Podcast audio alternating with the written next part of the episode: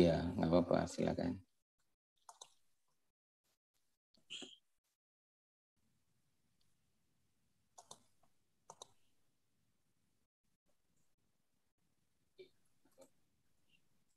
Ya, kita mulai ya. Eh, saya mau rekam dulu. Karena kita nanti dimasukkan ke podcast juga, Abah.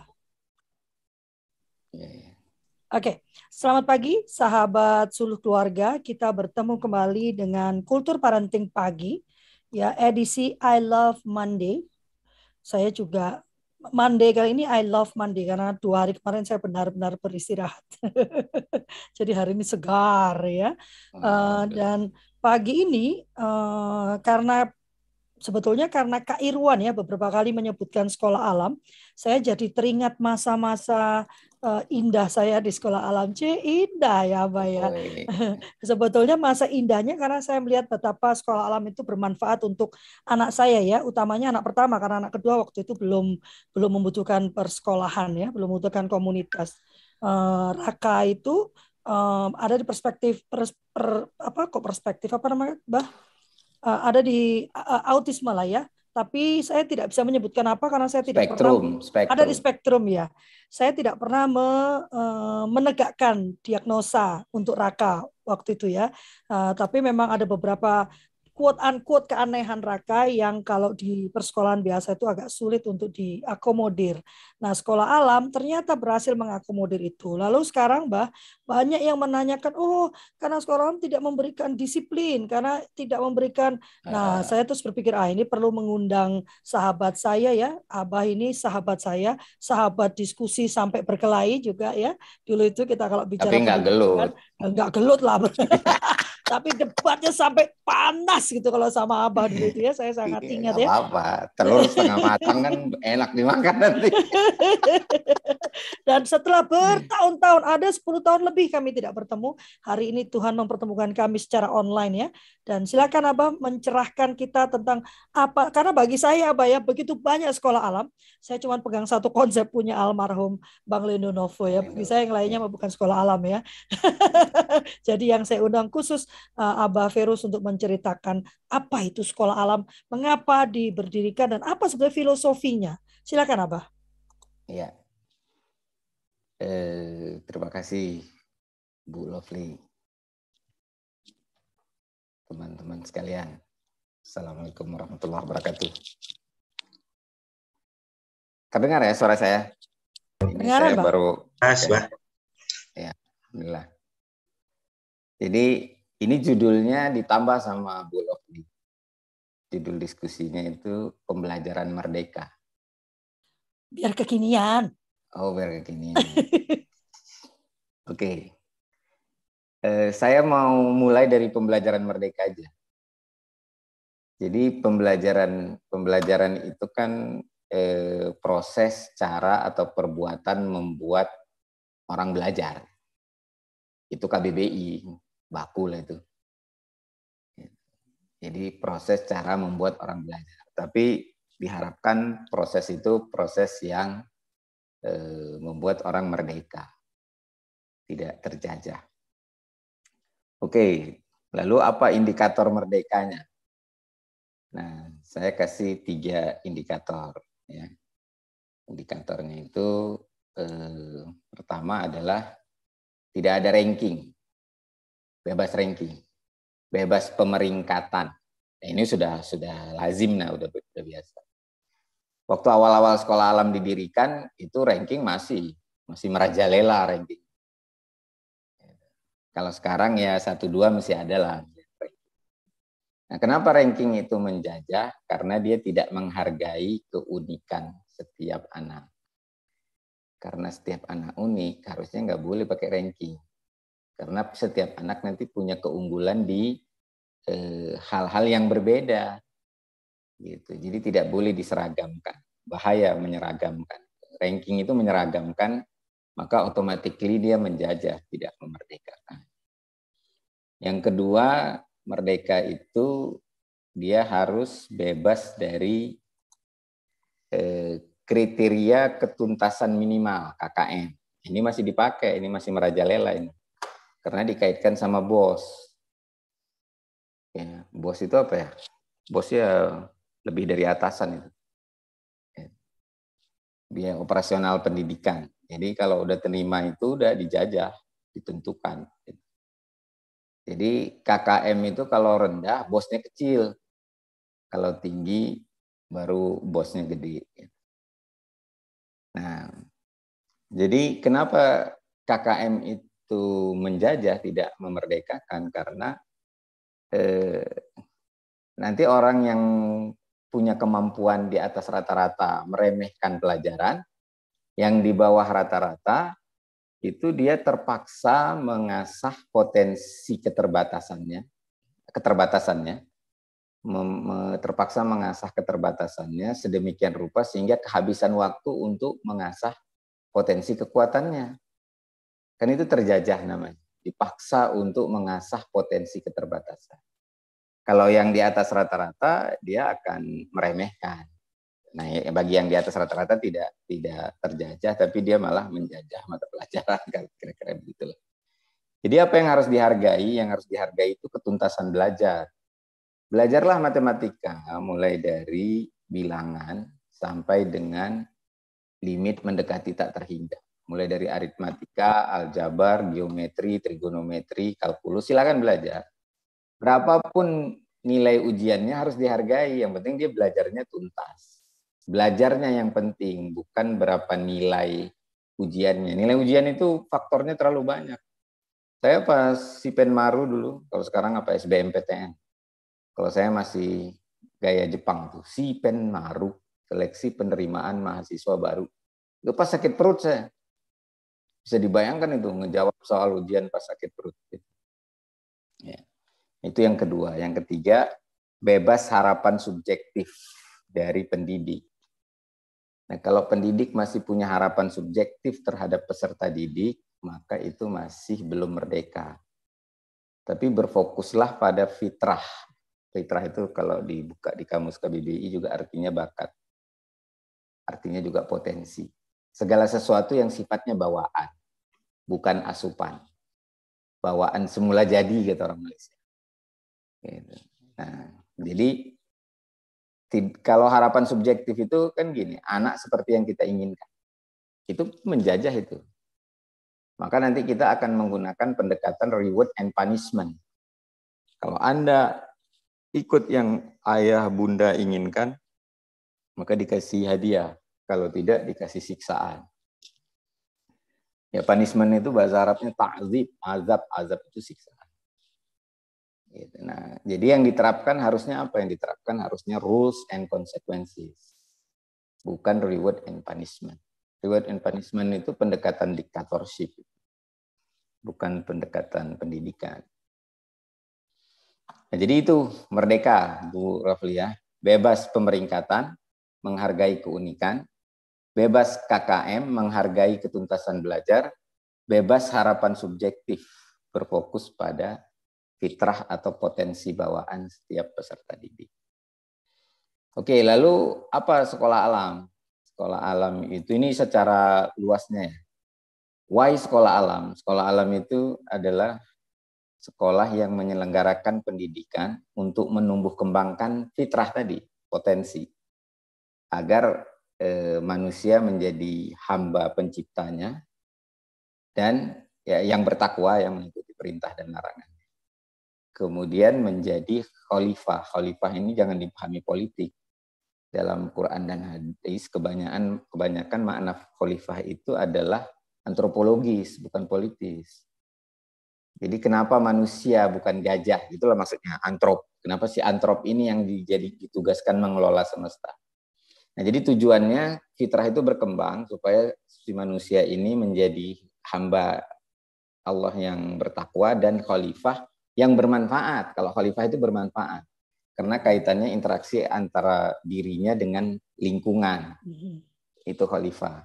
Jadi antrop dengan lingkungannya. Jadi khalifah itu harus dipahami antropologis dulu. Nah, dari situ nanti diharapkan muncul satu kawasan yang rahmatan lil alamin, tidak merusak lingkungan dan memberi manfaat bagi banyak orang. Nanti membangun peradaban yang damai dan ramah lingkungan. Jadi itu itu sekolah alam digagas oleh Lindonovo almarhum. Digagasnya tahun 92. Berwujudnya tahun 98 di Ciganjur, terus berkembang tahun 2000 eh, berapa itu? 2004 ya. Pulau Plia kita di Bojongkulur. Itu dengan beberapa teman. Lalu terjadi pemekaran seperti amuba, berkembang biak dengan membelah diri. Jadi tiga sekolah alam. Karena masing-masing punya kemauan sendiri. Jadi ada sekolah alam Bojongkulur, ada sekolah alam Natur Islam, dan ada sekolah alam eh, bambu hitam apa ya? Bambu hitam yang dikelola oleh Bu Ugi. Nah, jadi nah sekolah alam sendiri itu sering ada yang bertanya begini apakah sekolah alam itu beda kurikulumnya dengan kurikulum secara umum lah gitu ya? Mau kurikulum diknas atau kurikulum apa pun. Eh, ini eh, awalnya saya juga berpikir begitu. Berpikir sekolah alam ini berbeda tapi sebenarnya tidak tidak berbeda secara kurikulum kalau kata Pak Hendy Bu Lovely masih ingat Pak Hendy masih dong masih dia bilang yang namanya kurikulum itu sejak Fir'aun masih bujangan ya begitu-gitu aja Jadi yang digonta-ganti itu biasanya judulnya doang. Gitu. Kalau isinya mah tetap kurikulum inti di dunia pendidikan atau lebih spesifik, lebih sempit di dunia persekolahan itu tiga aja, yaitu bahasa untuk komunikasi, kemudian matematika untuk menumbuh kembangkan logika deduktif, dan sains untuk menumbuh kembangkan logika induktif. Cuma tiga aja. Nah, nanti dibingkailah dia dengan pendidikan agama, pendidikan moral, kemudian muatan lokal dan pengembangan diri, yaitu bingkainya. Tapi intinya dari dan dari sejak sebelum CBSA cara belajar siswa aktif sampai dengan kurikulum prototype atau kurikulum sekolah merdeka. Itu kurikulum itu, itu aja sebenarnya. Nah, cara menyajikannya nanti yang beda-beda. Nah, begitu juga sekolah alam itu lebih kepada cara menyajikan. Bagaimana dia menyajikan? Dia menyajikannya dengan belajar bersama alam, bukan di alam. Ini juga orang sering salah paham. Seolah-olah cuma di luar ruang. Tidak. Dia bersama. Bersama itu artinya interaktif. Jadi apa itu sekolah alam? Sekolah alam adalah sekolah yang mengintensifkan interaksi peserta didik dengan alam semesta dan pencipta alam semesta ya, melalui pendekatan belajar bersama alam. Jadi educational approach itu yang namanya BBA belajar bersama alam itu educational approach. Guna mewujudkan total education. Total education itu maksudnya yang disentuh bukan hanya kognisinya saja. Gitu. Afeksi dan konasinya juga. Dan itu secara betul-betul secara utuh gitu dari ujung rambut sampai ujung kaki. Gitu. Nah, tapi dia punya fokus yang dibuat di dalam empat pilar fokus kurikulumnya, akhlak, logika, kepemimpinan, dan kewirausahaan. Nah, ini disajikan sedemikian rupa sehingga peserta didik tadi menjadi hamba Allah yang bertakwa dan khalifah yang bermanfaat. Jadi ada dua dimensi peran itu, dua dua macam peran, peran hamba dan peran kekhalifahan. Ya. Nah itu saya pikir pengantar diskusinya biar lebih banyak diskusinya. Selebihnya hmm. nanti saya share slide-nya aja. Oh, oke. Okay. Uh, eh, sebenarnya kalau abang mau pasang slide juga bisa loh. Uh, tinggal Deli memberikan ininya karena Deli yang pegang ini pegang. Oh saya saya share dulu ke Bu Kak Deli. Bapli, boleh oh iya boleh boleh nanti saya ini. Ya so teman-teman sebetulnya yang menarik bagi saya itu ya empat pilar tadi ya. Kayak aku dulu ingatku tiga deh empat ya bang. Uh, kan gini setelah buat setelah berdiri SOU jadi empat. Oh. Sebelum SOU tiga aja. Ya, uh, kan, ahlak, ya. logika dan leadership. Iya. Setelah berdiri SOU School of Universe itu ditambah satu bisnis atau kewirausahaan. Oh, Jadi tuh ya, iya. Berarti saya di, di slide ini saya kasih note-nya kok, saya kasih iya. catatan. Iya. Oke, jadi uh, yang menarik bagi saya sebenarnya tiga itu ya pendidikan yang holistik yeah. dan yang yang saya ingat zaman dulu ya, yang waktu saya datang yeah. ke sekolah alam itu memang unik karena sekolah alam itu nggak tahu sampai sekarang masih seperti itu nggak.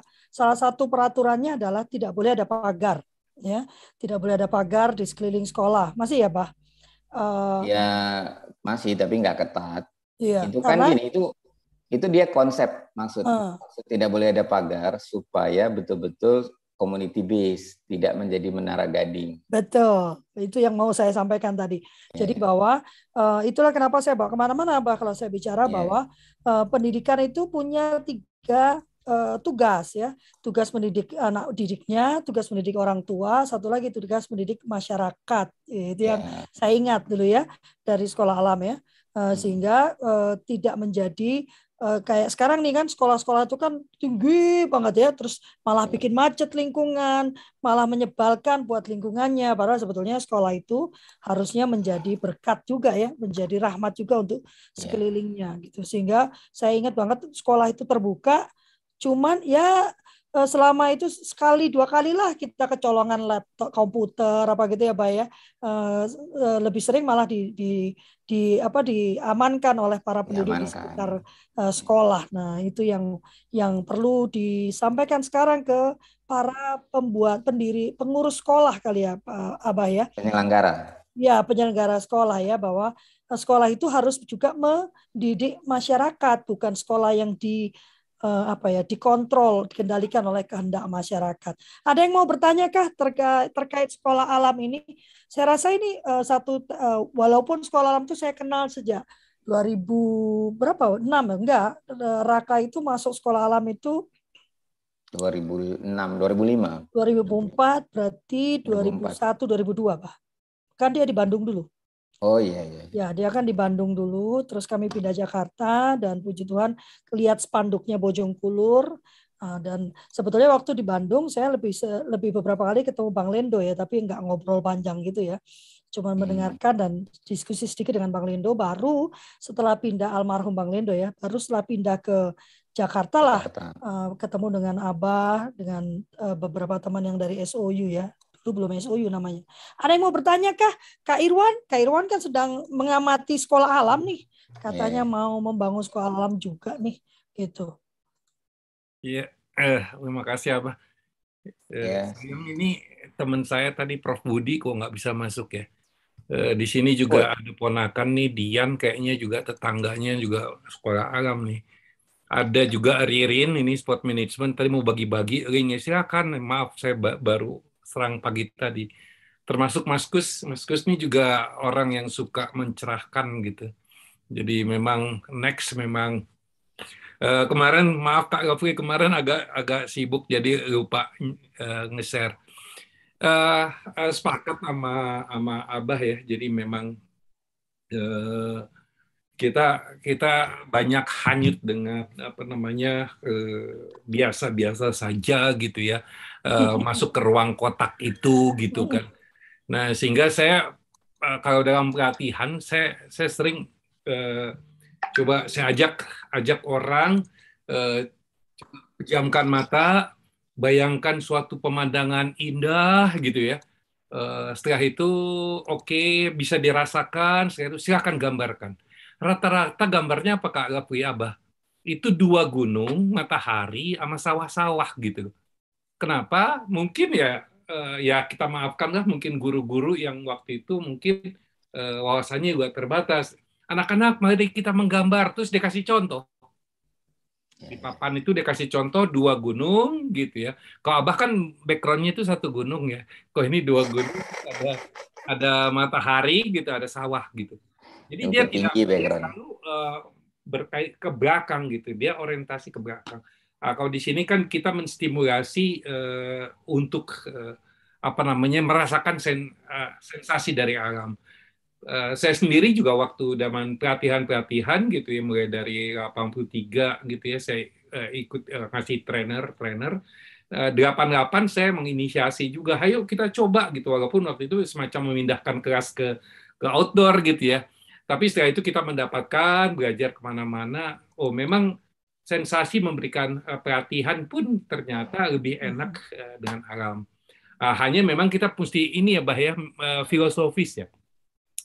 Kadang-kadang ya. kan susah ya kalau kita pelatihan kalau kami di militer itu pakai meluncur tuh meluncur pakai tali gitu Kak. Pakai hmm. tali. Nah, tetapi kan kita diajarin push up pull up jadi tangan kita kuat. Itu 15 meter loh. Kalau jatuh kan selesai Nah, sekarang ada flying fox kan. Hmm. Yeah. Itu beda konsepnya. Flying fox itu cuma duduk happy. Hmm. Tapi dia tidak merasakan sensasi kayak tadi ujian. Nah, sehingga kalau pelatihan dengan kami, saya tetap menggunakan meluncur. Hanya digunakan tali penyelamat gitu, tali nyawa. Jadi kalau dia lepas masih kegantung. Itu aja komen. Uh, kalau saya mesti banyak belajar dari Abah Sayang Prof Budi tadi Prof Budi itu dosen arsitek dari TB udah pensiun uh, dan kami rencananya membuat itu uh, membuat uh, sekolah alam itu. Makasih. Bisa dibuat pertemuan bertiga saja, berempat dengan Lovely. Ya, lah, masa Lovely dari tiga? Ya, apa ya? ya. masuk masuk. Dia punya pengalaman, Bu Lovely itu banyak pengalaman. Oh, banyak banget, banyak banget. Tadi Kak Feni udah angkat tangan. Silakan ya, Kak Feni. Kak Feni mana Kak Feni? Kak Feni. Iya, iya. Bu Lovely, saya masuk dua akun. Yang satu dijadiin co-host supaya bisa share screen. Oke, okay. uh, uh, uh, Kak Deli, ada akun Kak uh, Abah lagi, Muhammad Ferus. Iya, yang nggak ada. Co-hostkan juga ya. ya. Silakan, Silakan Kak Feni. Kak Feni. Ya. Uh, terima kasih Kak Lovely.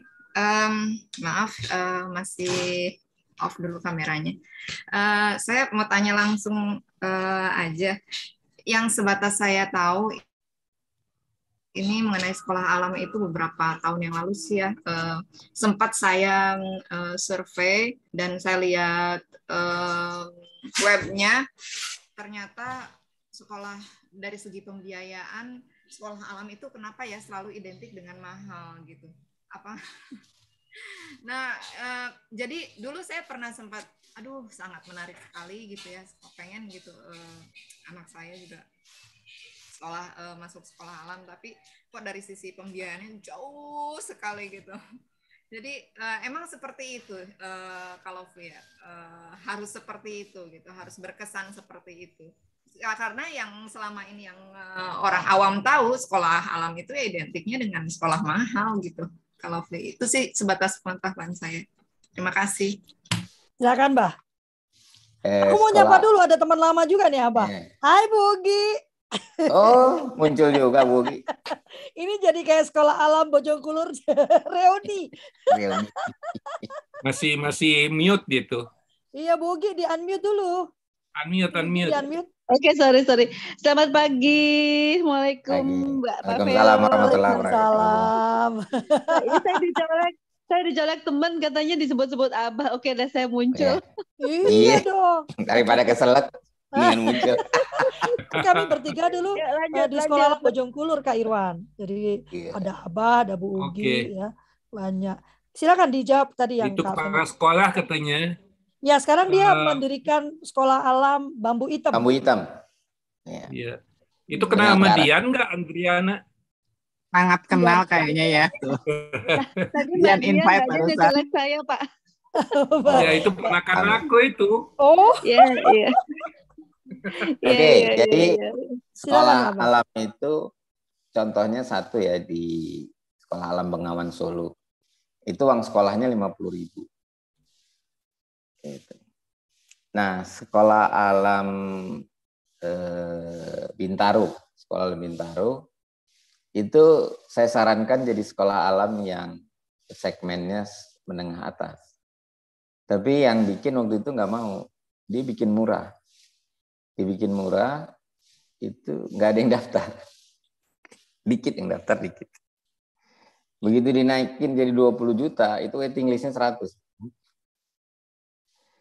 Jadi eh, apa namanya sekolah alam itu sekolah untuk semua ada sekolah alam yang eh, apa didesain sedemikian rupa sehingga eh, kosnya menjadi ringan. Ada yang kosnya memang agak tinggi. Nah, kos faktor kos di dunia pendidikan tidak terbatas di sekolah alam. Itu adalah rasio tenaga pendidik berbanding dengan peserta didik atau peserta didik berbanding tenaga pendidik. Kalau kita bikin 10 banding satu, 10 peserta didik itu ditangani oleh satu pendidik atau 20 banding dua, itu tinggi memang ininya. Karena kita harus mensejahterakan peserta didik. Ya. Eh maaf, harus mensejahterakan pendidik. tidak boleh menyelenggarakan pendidikan itu dengan mengeksploitasi. Nah, tapi di sekolah alam yang digagas Pak Nendo itu juga diberikan solusi bagaimana supaya guru punya uh, income selain dari uh, sekolah gitu. Nah, itu diselenggarakan oleh sekolah sendiri. Misalnya kayak sekolah alam bambu hitam itu dia punya beberapa proyek yang meningkatkan kesejahteraan guru, tapi gurunya tetap fokus mengajar. Ya Bu Gia, ada proyek lebah dan lain sebagainya. Iya, siap, siap. Ya, jadi eh, ada prosesnya. Jadi kalau dikatakan sekolah alam itu mahal, itu bisa dipahami, tapi secara relatif ya, secara relatif. Relatif ini bisa berarti rela apa gitu. Relatif dalam arti juga begini. Coba bandingkan, sekolah alam itu pada umumnya menyediakan space 15 meter persegi per siswa bandingkan dengan sekolah yang bayarannya lebih rendah memang, tapi dia hanya menyediakan space satu meter persegi per siswa atau dua meter persegi per siswa. Terus rasio guru yang menghandle siswanya berapa? Jadi harus diperhatikan aspek-aspek eh, apa namanya eh, teknis lah kita bilang aspek teknisnya gitu. Ketika diimplementasikan ini boleh nggak Bu Lovely saya langsung menanggapi yang dicat?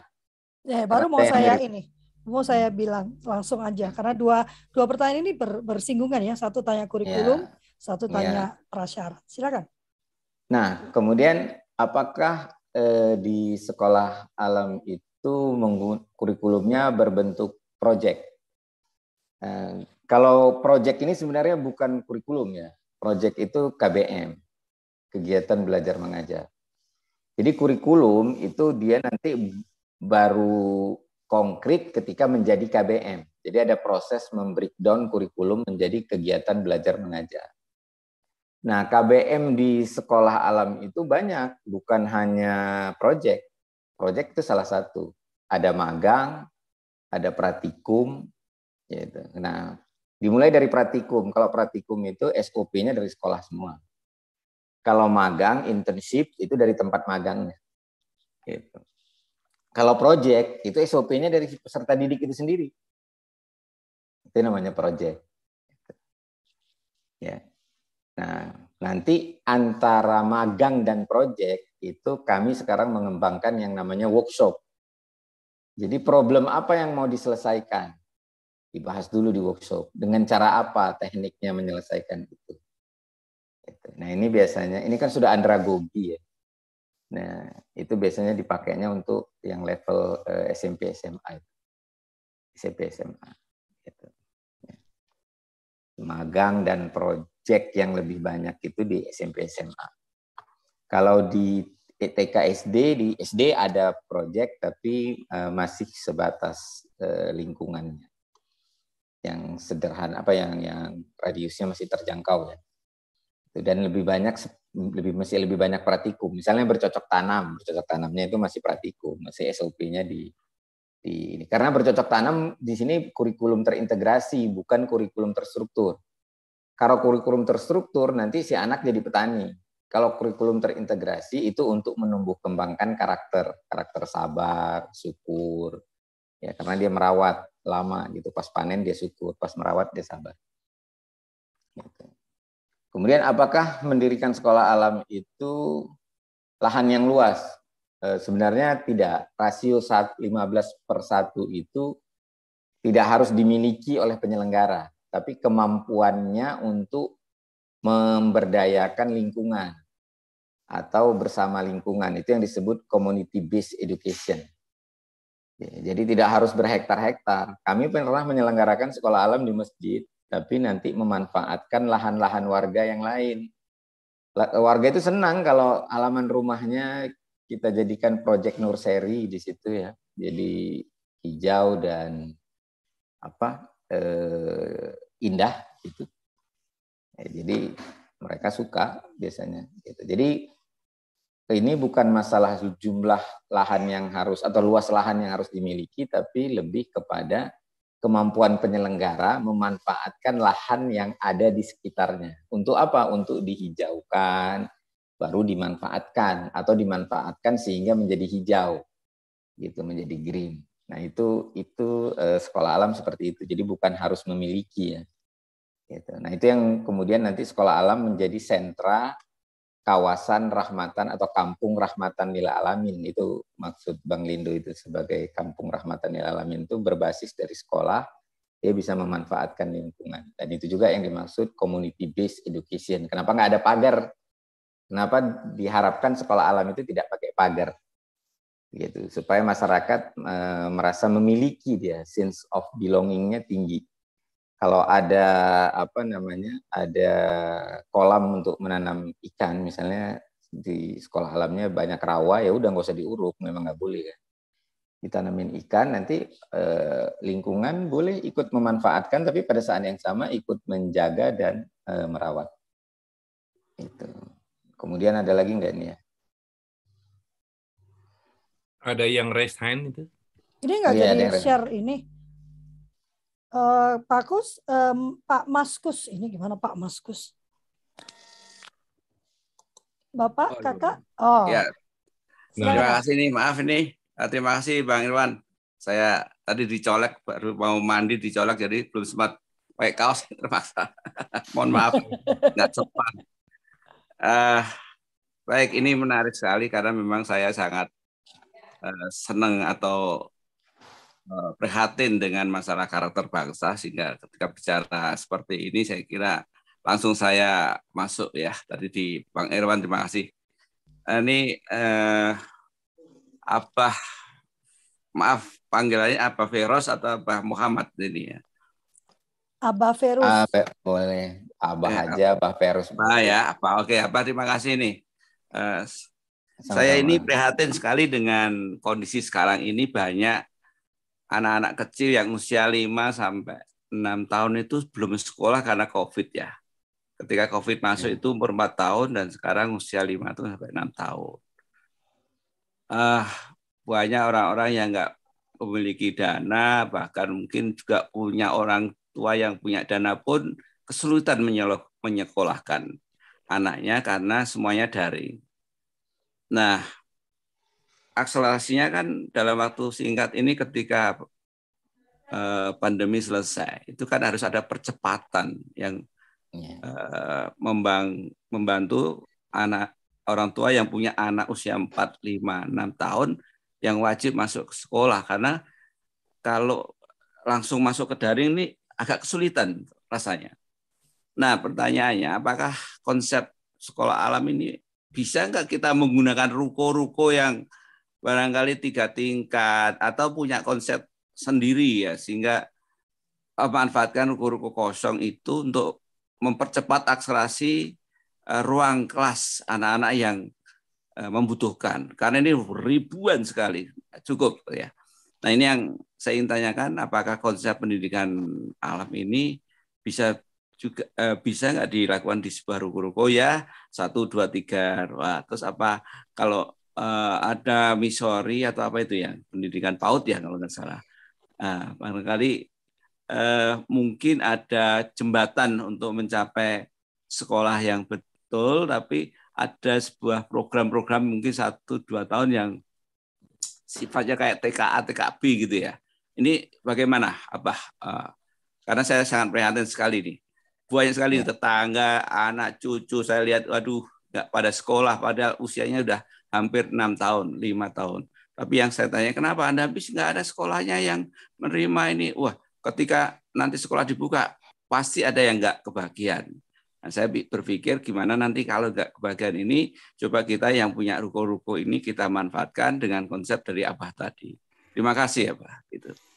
Ya, terima kasih juga. Eh, jadi eh, di sekolah alam itu konsepnya learning could be anywhere. Belajar bisa di mana aja. Dia tidak dibatasi dan tidak tergantung dengan gedung atau bangunan. Hmm. Di saung juga oke. Okay tapi jangan dipahami sekolah alam harus saung, bukan. Bukan sekolah alam harus saung. Tidak. Okay. Tapi kenapa sekolah alam pakai saung ya nggak harus gedung. Saung juga oke. Okay. Kalau ada ruko ya pakai aja ruko juga oke, okay. nggak ada masalah. Karena learning could be anywhere. Belajar bisa di mana saja. Tapi ini dia harus mencapai total education. Screen hmm. yang saya tampilkan ini. Yaitu secara konasi fisiknya itu tambah pengalaman tambah tangkas. Secara kognisi akalnya itu tambah pengalaman, tambah pengetahuan dan tambah pemahaman. Secara afeksi itu tambah bijak ya. Hmm. Emosi emosinya afeksi emosi dari ada afeksi rohani secara rohani itu tambah pengalaman tambah iman gitu nah jadi si peserta didik yang awalnya ready to change menjadi agent of change dari peradaban. Itu, hmm. yang dimaksud total education. Jadi interaksinya dengan alam yang harus diintensifkan. Bahkan kadang-kadang kelas sering sekali itu ber, berdampak pada membatasi interaksi peserta didik dengan lingkungan. Bagaimana dia bisa mengelola alam dengan baik, mengelola semesta ini kalau dia tidak tahu batu dalam arti real, dia hanya tahu dari buku. Dia tidak oh, tahu okay. daun, tidak tahu akar, bagaimana dia dia menghargai oksigen yang diproduksi melalui daun. Itu kalau dia tidak pernah berinteraksi secara real, dia berinteraksinya secara semu melalui buku. Hmm. Nah, jadi sekolah alam itu bukan pakai buku paket di luar ruang, bukan. Sekolah alam itu bersama alam. Jadi dia bukan di alam di luar ruang, bukan. Dia bersama. Hmm. Tidak harus saung, tapi apa pun boleh karena belajar itu adalah eh, bisa di mana saja dan hmm. mengintensifkan interaksi peserta didik. Nah, jadi hmm. sebenarnya nggak ada masalah mau ada COVID. Berapa persen COVID, apa? untuk in class sama outdoornya itu berapa persen berapa persen ya? Ya uh, dia maksimum aja ini ya maksimumnya out outdoor activity-nya itu 80 persen maksimum. Oke. Okay. Ya tapi ada minimumnya juga minimumnya itu jangan sampai di terlalu rendah lah jangan sampai di bawah 50 eh, hmm. atau di bawah lebih. Tapi intinya begini cara cara mengimplementasinya begini. Jadi eh, mulai dari siswa datang ke sekolah itu sudah berjalan kurikulum. KBM hmm. itu sudah berjalan. Jadi mengucapkan salam itu kurikulum, meletakkan barang pada tempatnya kurikulum, operasi semut itu kurikulum, dan itu semuanya kegiatan di luar ruang. Nah itu kita hmm. sebut sebagai integrated kurikulum, kurikulum terintegrasi. Kenapa hmm. dia terintegrasi? Di situ ada semuanya, ada matematikanya, ada bahasa, ada segalanya. Cuman dia tidak terstruktur gitu tidak tersusun secara rapi karena bukan tujuannya untuk menjadi cleaning service ketika hmm. dia operasi semut tapi untuk menumbuhkan karakter bersih gitu. Terbiasa dengan eh, apa membuang sampah pada tempatnya gitu. Kalau ada sampah dipungut dibuang lagi ke tempatnya. Nanti dilatih oh. mengolah limbah. Bukan supaya dia menjadi pebisnis olah limbah tidak. Tapi untuk penumbuhan karakter. Makanya dia tidak terstruktur tapi terintegrasi. Yang terstruktur ya tetap itu matematika, sains, bahasa itu yang terstruktur. Nah, tapi kalau dia bukan sekolah agama, maka pendidikan agamanya nggak boleh terstruktur. Kalau sekolah agama terstruktur, fikih, hadis, Quran, tafsir, gitu kan. Nah itu terstruktur sebagai disiplin ilmu, ada scope and sequences yang ketat gitu. Hmm. Nah, tapi kalau untuk sekolah umum pendidikan agamanya itu tidak menekankan pada scope and sequence tapi pada penumbuhan karakter. Jadi bukan disuruh menghafali berapa berapa rakaat jumlah sholat zuhur, tapi bagaimana dia sholat, bagaimana dia beribadah. Nah itu kurikulum terintegrasi Nah jadi dahulukan kurikulum terintegrasi, misalnya bercocok tanam itu kurikulum terintegrasi. Kalau kurikulum terstruktur nanti jadi petani. Kalau kurikulum terintegrasi dia tumbuh karakter sabar dan lain sebagainya. Kemudian ketika dia meraba daun, memegang daun, melihat akar, memetik atau memanen kacangnya misalnya. Hmm. Dia merasa perlu tahu lebih lanjut daun itu apa sih? Nah, jadi dia belajar biologi atau belajar sains itu kebutuhan, bukan yeah, kewajiban. Yeah, yeah. Gitu. Nah, jadi yang di luar ruang itu dalam arti kurikulum terintegrasi itu didahulukan saja. Kalau dia sudah didahulukan, Nah, nanti otomatis kurikulum terstrukturnya menjadi kebutuhan. Nah, sehingga nanti tetap tercapai total education. Nggak akan bisa total education kalau hanya di dalam ruang, di dalam kelas. Gitu. Nah, yang namanya homeschooling itu bukan berarti di dalam rumah, tapi berbasis rumah. Gitu. Ya, kalau school schooling ya itu berbasis sekolah kan begitu aja. school schooling. Iya, iya, ada masjid schooling kan ada iya. masjid schooling yang dulu pernah dikunjungi juga oleh kita di di Depok gitu kan. Iya. Berbasis masjid. Jadi sekolah bisa berbasis apa pun, tapi dia harus mengintensifkan kalau sekolah alam ya harus mengintensifkan interaksi peserta didik dengan lingkungan sedemikian rupa sehingga tercapai total education. Yaitu yang dididik itu dari ujung rambut sampai ujung kaki, dimensi mental, dimensi spiritual, dimensi fisik semua ter, tersentuh oleh kurikulum itu dalam bentuk KBM yang kaya ragamnya. Bukan kurikulumnya yang banyak, kurikulum dari dulu dari dari sejak Firaun masih bujangan ya itu itu aja kata Pak Hendy. Firaun masih bujangan. itu istilah bikin saya kaget tapi saya suka makainya jadi. Terima kasih, Abah. Terima ya, kasih. Ya, sama-sama. Ya. Abah, eh, kita setiap Selasa ada kampanye sekolah rumah ya. Jadi kalau Abah juga berkenan hadir jam 12 siang, itu kita punya kampanye ke, sebagai Sekjen Asosiasi Sekolah Rumah, saya mengkampanyekan kembali sekolah rumah ya, eh, dalam rangka mengingatkan eh, pemerintah tentang peran penting keluarga di dalam pendidikan ya. Uh, Saya rasa ini menarik ya. Jadi saya memang uh, Kak Irwan saya itu memang mencomot berbagai pengalaman masa lalu dan hmm. dimasukkan ke dalam eh, konsep-konsep uh, pendidikan yang saya sering sampaikan di masa ini. Jadi kalau dengar abang ngomong pasti mendengar sedikit-sedikit yang pernah saya sampaikan ya karena memang saya pakai semua si ilmu semua orang ya diramu menjadi satu pemahaman Waduh. yang holistik. Mantap, mantap, mantap. Synthesizer. Ya kan apa ya? Percuma bakat synthesizer. Saya nggak dapat saya nggak dapat ilmunya kan, cuman kontok-kontokan doang ya percuma ya. Dan ilmu saling bermanfaat. Iya, ada diramu menjadi satu ilmu yang lebih holistik. Ada pertanyaan lagi kah untuk teman-teman ini menarik sekali loh ya sebetulnya. Ini mumpung yang hadir ini Abah sendiri ya. Uh, beliau kalau dulu kalau nggak Bang Lindo ya Abah yang muncul ya. Jadi ini satu yang menarik. Saya sebetulnya dulu ya, saya pernah protes juga ke Abah kan. Kenapa sekolah alam harus punya pohon? Ingat ya Pak ya? Ya, ya, ya. Kan alam, kalau rumahnya dikontrakan, kalau dia rumahnya di rusun ya harusnya ya alamnya rusun dong Abah gitu ya. Nah sekarang terjawab kan oleh Abah. Dulu kita gontok-gontokan soal itu. Ya kan gak bagus Bu Lovely lah, orang rumahnya di rusun ngapain? Gak punya tanah juga gitu kan. Nah sekarang terjawab oleh Abah ya bahwa uh, bermain di luarnya itu bisa memakai fasilitas mana-mana. Abah bicara tentang memakai fasilitas masjid, jadi ingat zaman-zaman pertama kita pakai masjid diusir ya. sama warga. ah perjalanan kami luar biasa dalam mem, mem, mem, apa, me, memperjuangkan pendidikan buat anak-anak ya, bukan buat anak sendiri malah. Anak saya waktu itu sudah tidak bisa menikmati pendidikannya karena nggak ada kelasnya ya. Anak abah sama sekali ya. Jadi benar-benar kami bergerak untuk kepentingan anak, bukan kepentingan anak sendiri. Ada yang mau bertanya kah sebelum kita nanti uh, apa masuk ke uh, penutup? Ayo, Kak Hasan. Kak Sumarti ini banyak sekali teman-teman baru loh. Teman-teman yang lama ada yang mau bertanya Kak, Kak Lili, Kak Ana. Oh, Kak Ana Maria.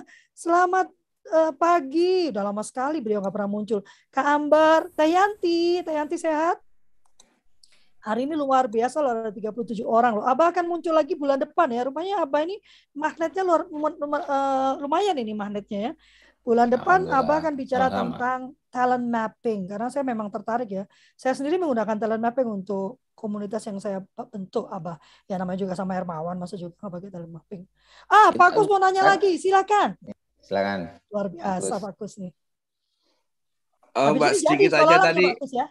Tadi itu sekolah itu uh, apa harus kelas uh, usia berapa? Kalau di usia sebelum sebelum kelas SD. 6 ya. PAUD ya. lah, PAUD itu bisa ya. ya. Itu ada pertanyaan yang sama itu. Oh ya. ada di bisa, saya lupa ada di chat. Maaf. Bisa, cuman begini, kalau sekolah alam itu mewanti-wanti jangan sampai eh, apa namanya? pendidikan itu justru membuat jarak si anak dengan orang tua. Oh. Kalau jadi jangan gini, jangan jangan eh, maaf ya kalau agak kasar istilahnya. Ada kan TPA itu. Iya. Taman Pendidikan Al-Qur'an. Tapi bisa jadi tempat pembuangan anak gitu. Karena bapaknya orang orang tuanya mau per, mau mau nyari duit gitu. Nah, jadi anaknya dibuang gitu. Jadi jangan berpikirnya uh, PAUD itu untuk uh, melepaskan tanggung jawab pendidikan dari orang tua. Gitu.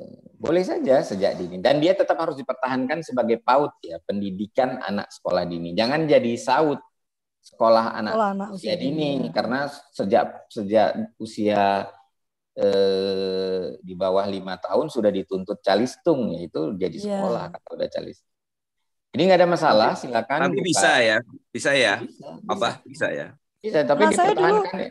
Deli dulu uh, sempat TK beberapa saat di sekolah alam sebelum Terima kasih. sering permasalahan.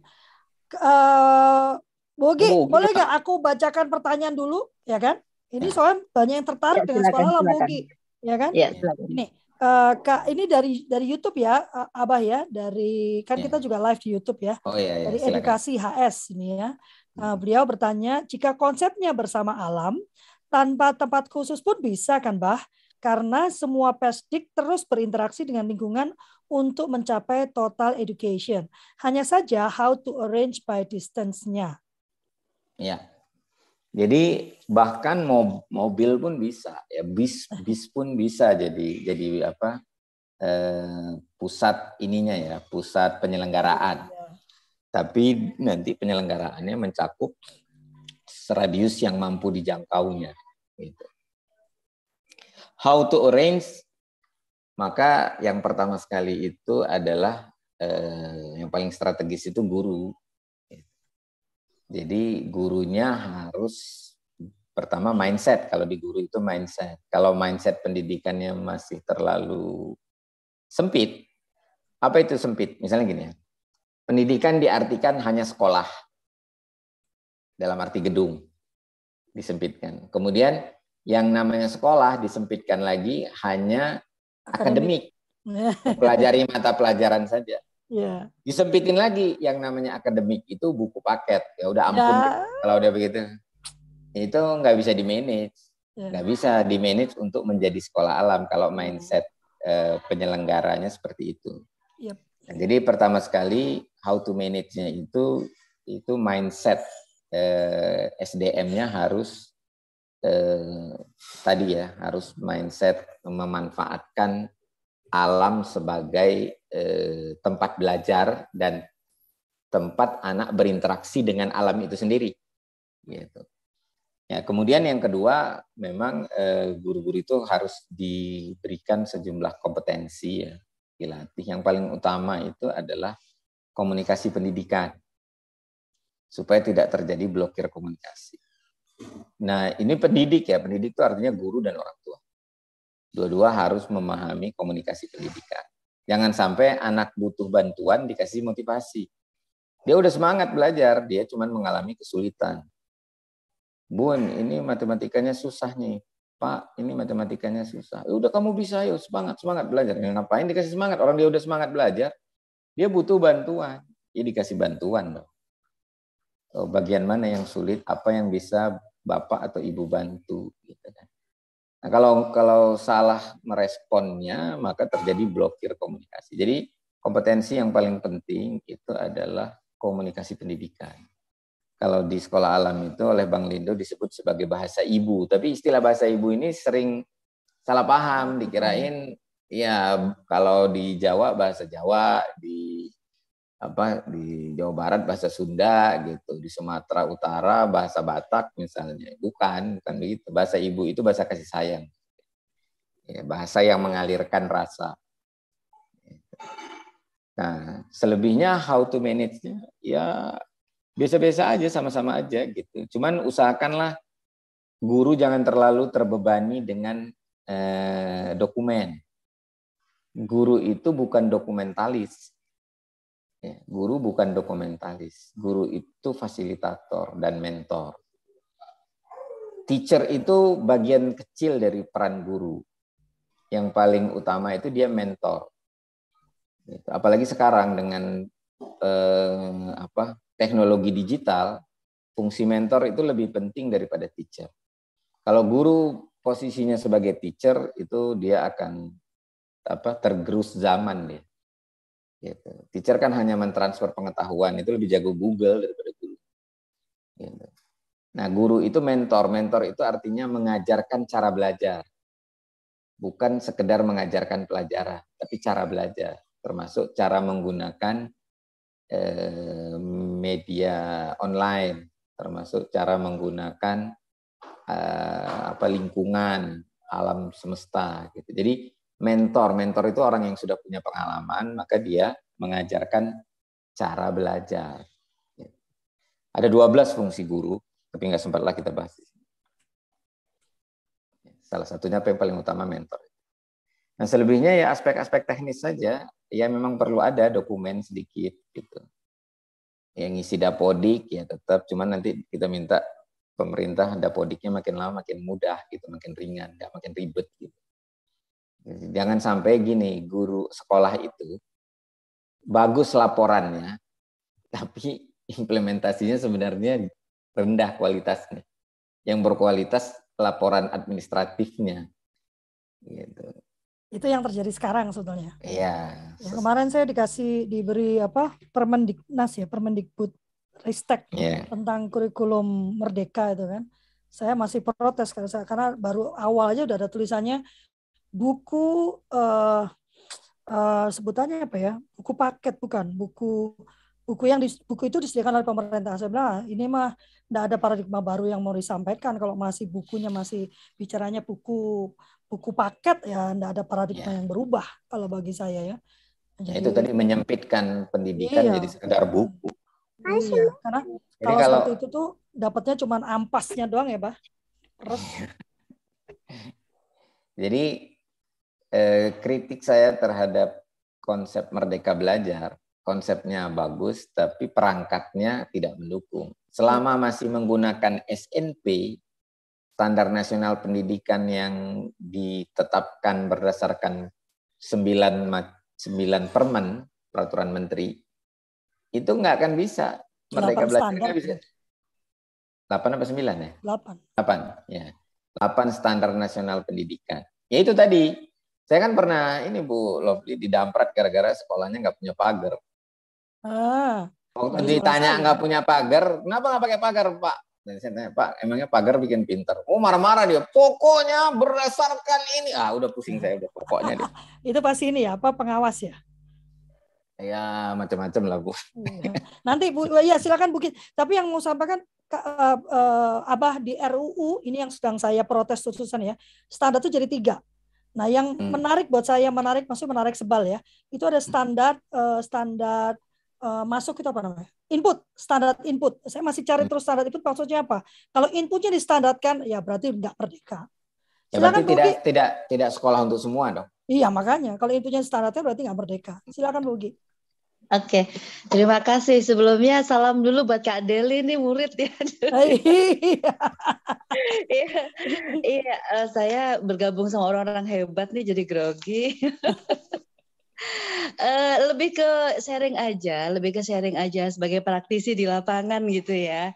Uh, mengenai pagar. Jadi memang ide Bang Lendo itu luar biasa, tapi challenge-nya juga luar biasa, luar biasa. itu gitu ya. Iya, betul. Iya, karena uh, memang ma masyarakat jadi memanfaatkan sekolah sebagai tempat rekreasi gitu, Mbak ya.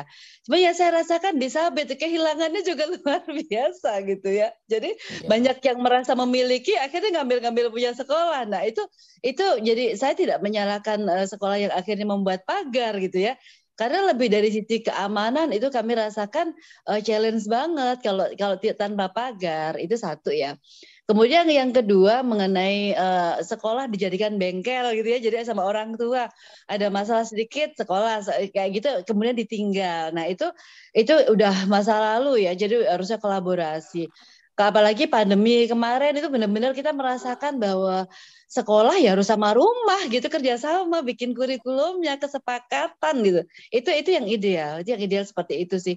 Apa bagaimana komunikasi antara rumah dan sekolah itu memang benar-benar uh, apa namanya uh, berjalan bagus gitu ya sehingga sehingga pendidikan buat anak kita juga juga yang terbaik ya. Karena memang kita kan pendidikan harusnya ini ya personal banget harusnya ya apa ya kalau kita dulu nyebutnya IEP ya Inter Individual Education Program gitu kalau kita bisa membuat itu per anak, wah itu bisa luar biasa banget gitu ya. Itu Bu, Bu Lovely ngerasain tuh zaman dulu ya. Itu. Kemudian mengenai uh, kolaborasi ini, uh, saya mungkin teman-teman ada yang ingin mendirikan sekolah alam gitu, ataupun meskipun nggak sekolah alam pun nggak ada masalah gitu. Uh, asal memang dari sisi apa ya pencapaian, dari sisi apa yang kita inginkan pembentukan karakter anak-anak Indonesia, pemimpin Indonesia masa depan itu jadi gitu. Kalau saya sih nggak nggak terlalu harus sekolah lama? Nggak gitu ya. Karena memang setiap orang kan punya punya konsep uh, punya keyakinan masing-masing gitu. Tapi bagaimana kita berkolaborasi gitu untuk untuk leader Indonesia masa depan itu yang lebih penting. Menurut saya sih gitu ya karena tapi jelas sih kalau namanya leader ya nggak mungkin ada yang merusak alam gitu ya gitu karena namanya leader ya artinya Allah memang me, me, apa ya namanya memberikan kita kewajiban untuk menjadi khalifah ya pengatur bumi gitu Artinya sebaik-baiknya gitu.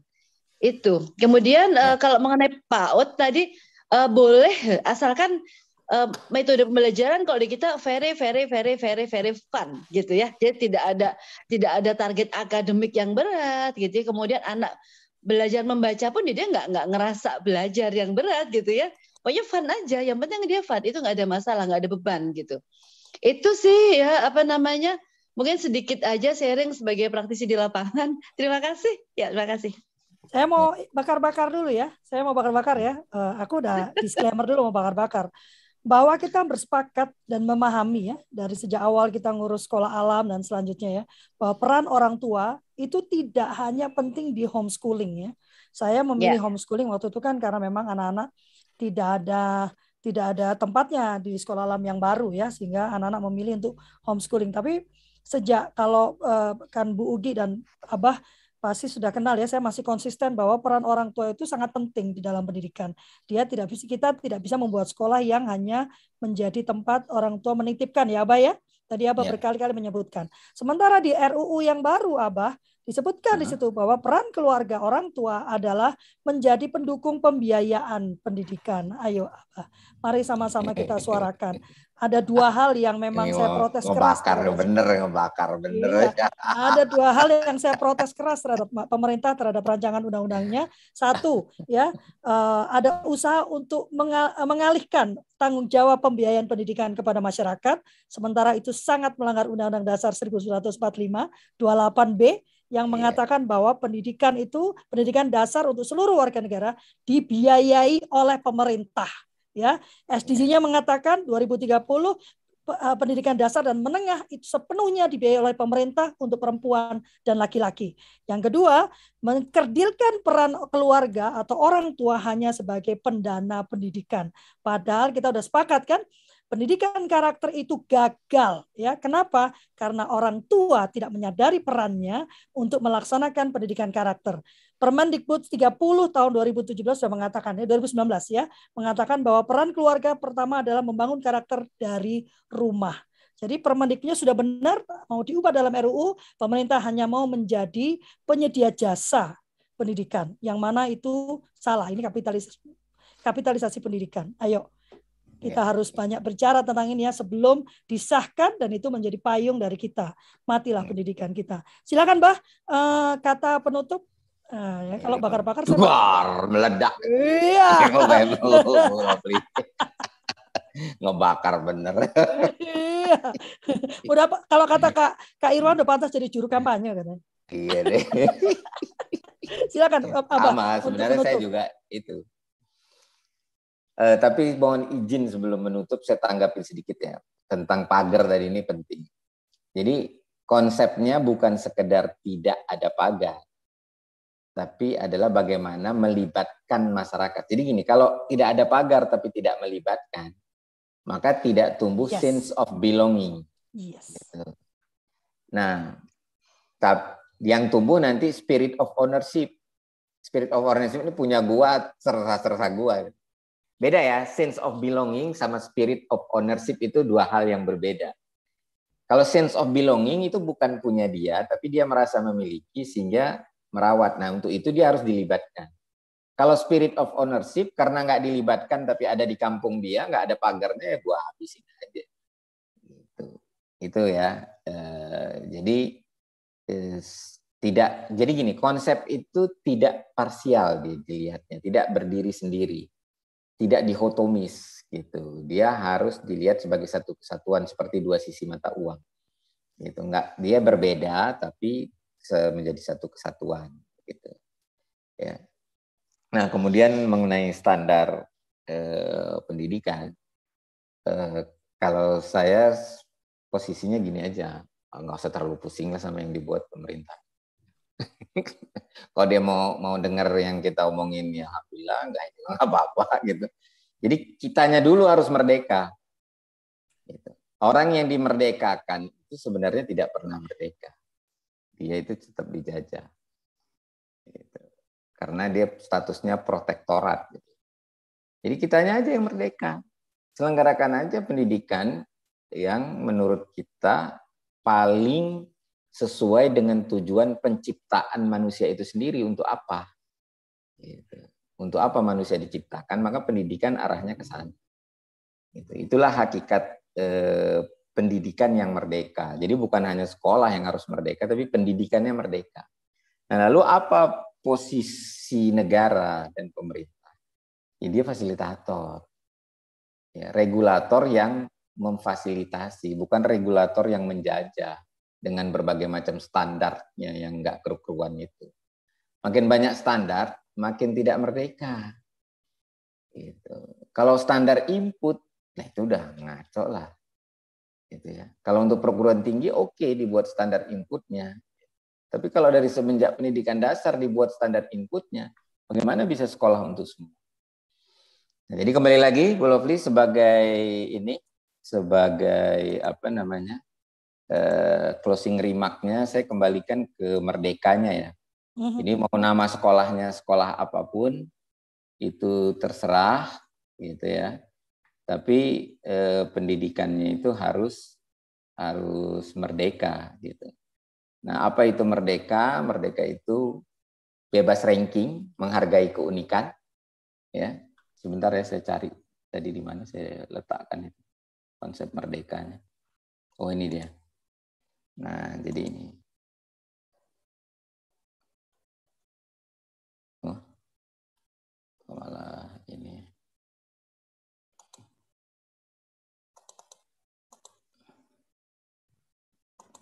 Nah, ini dia. Bebas pemeringkatan atau ranking, menghargai keunikan setiap peserta didik, bebas kriteria ketuntasan minimal, ya, menghargai ketuntasan belajar, bebas harapan subjektif dari orang tua, berfokus pada fitrah anak. Jadi bukan anak seperti yang kita inginkan, tapi sudahkah kita seperti yang pencipta inginkan dalam mendidik gitu. Kalau anak seperti yang kita inginkan, kita penjajah anak sebenarnya. Gitu. Kita tidak memiliki anak, kita hanya diamanahi oleh pencipta. Jadi menurut saya hakikat merdeka itu ini, ini closing remarknya silakan mau namanya sekolah alam, homeschooling, pesantren, apa aja, serah.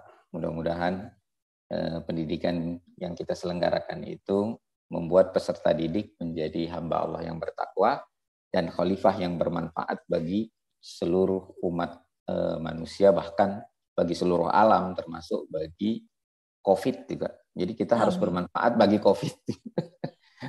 kita harus bermanfaat bagi daun, bagi akar, bagi air, bagi karena ketika kita memberi manfaat buat mereka, mereka pun akan memberikan feedback manfaat buat buat kita. Gitu. Terima kasih.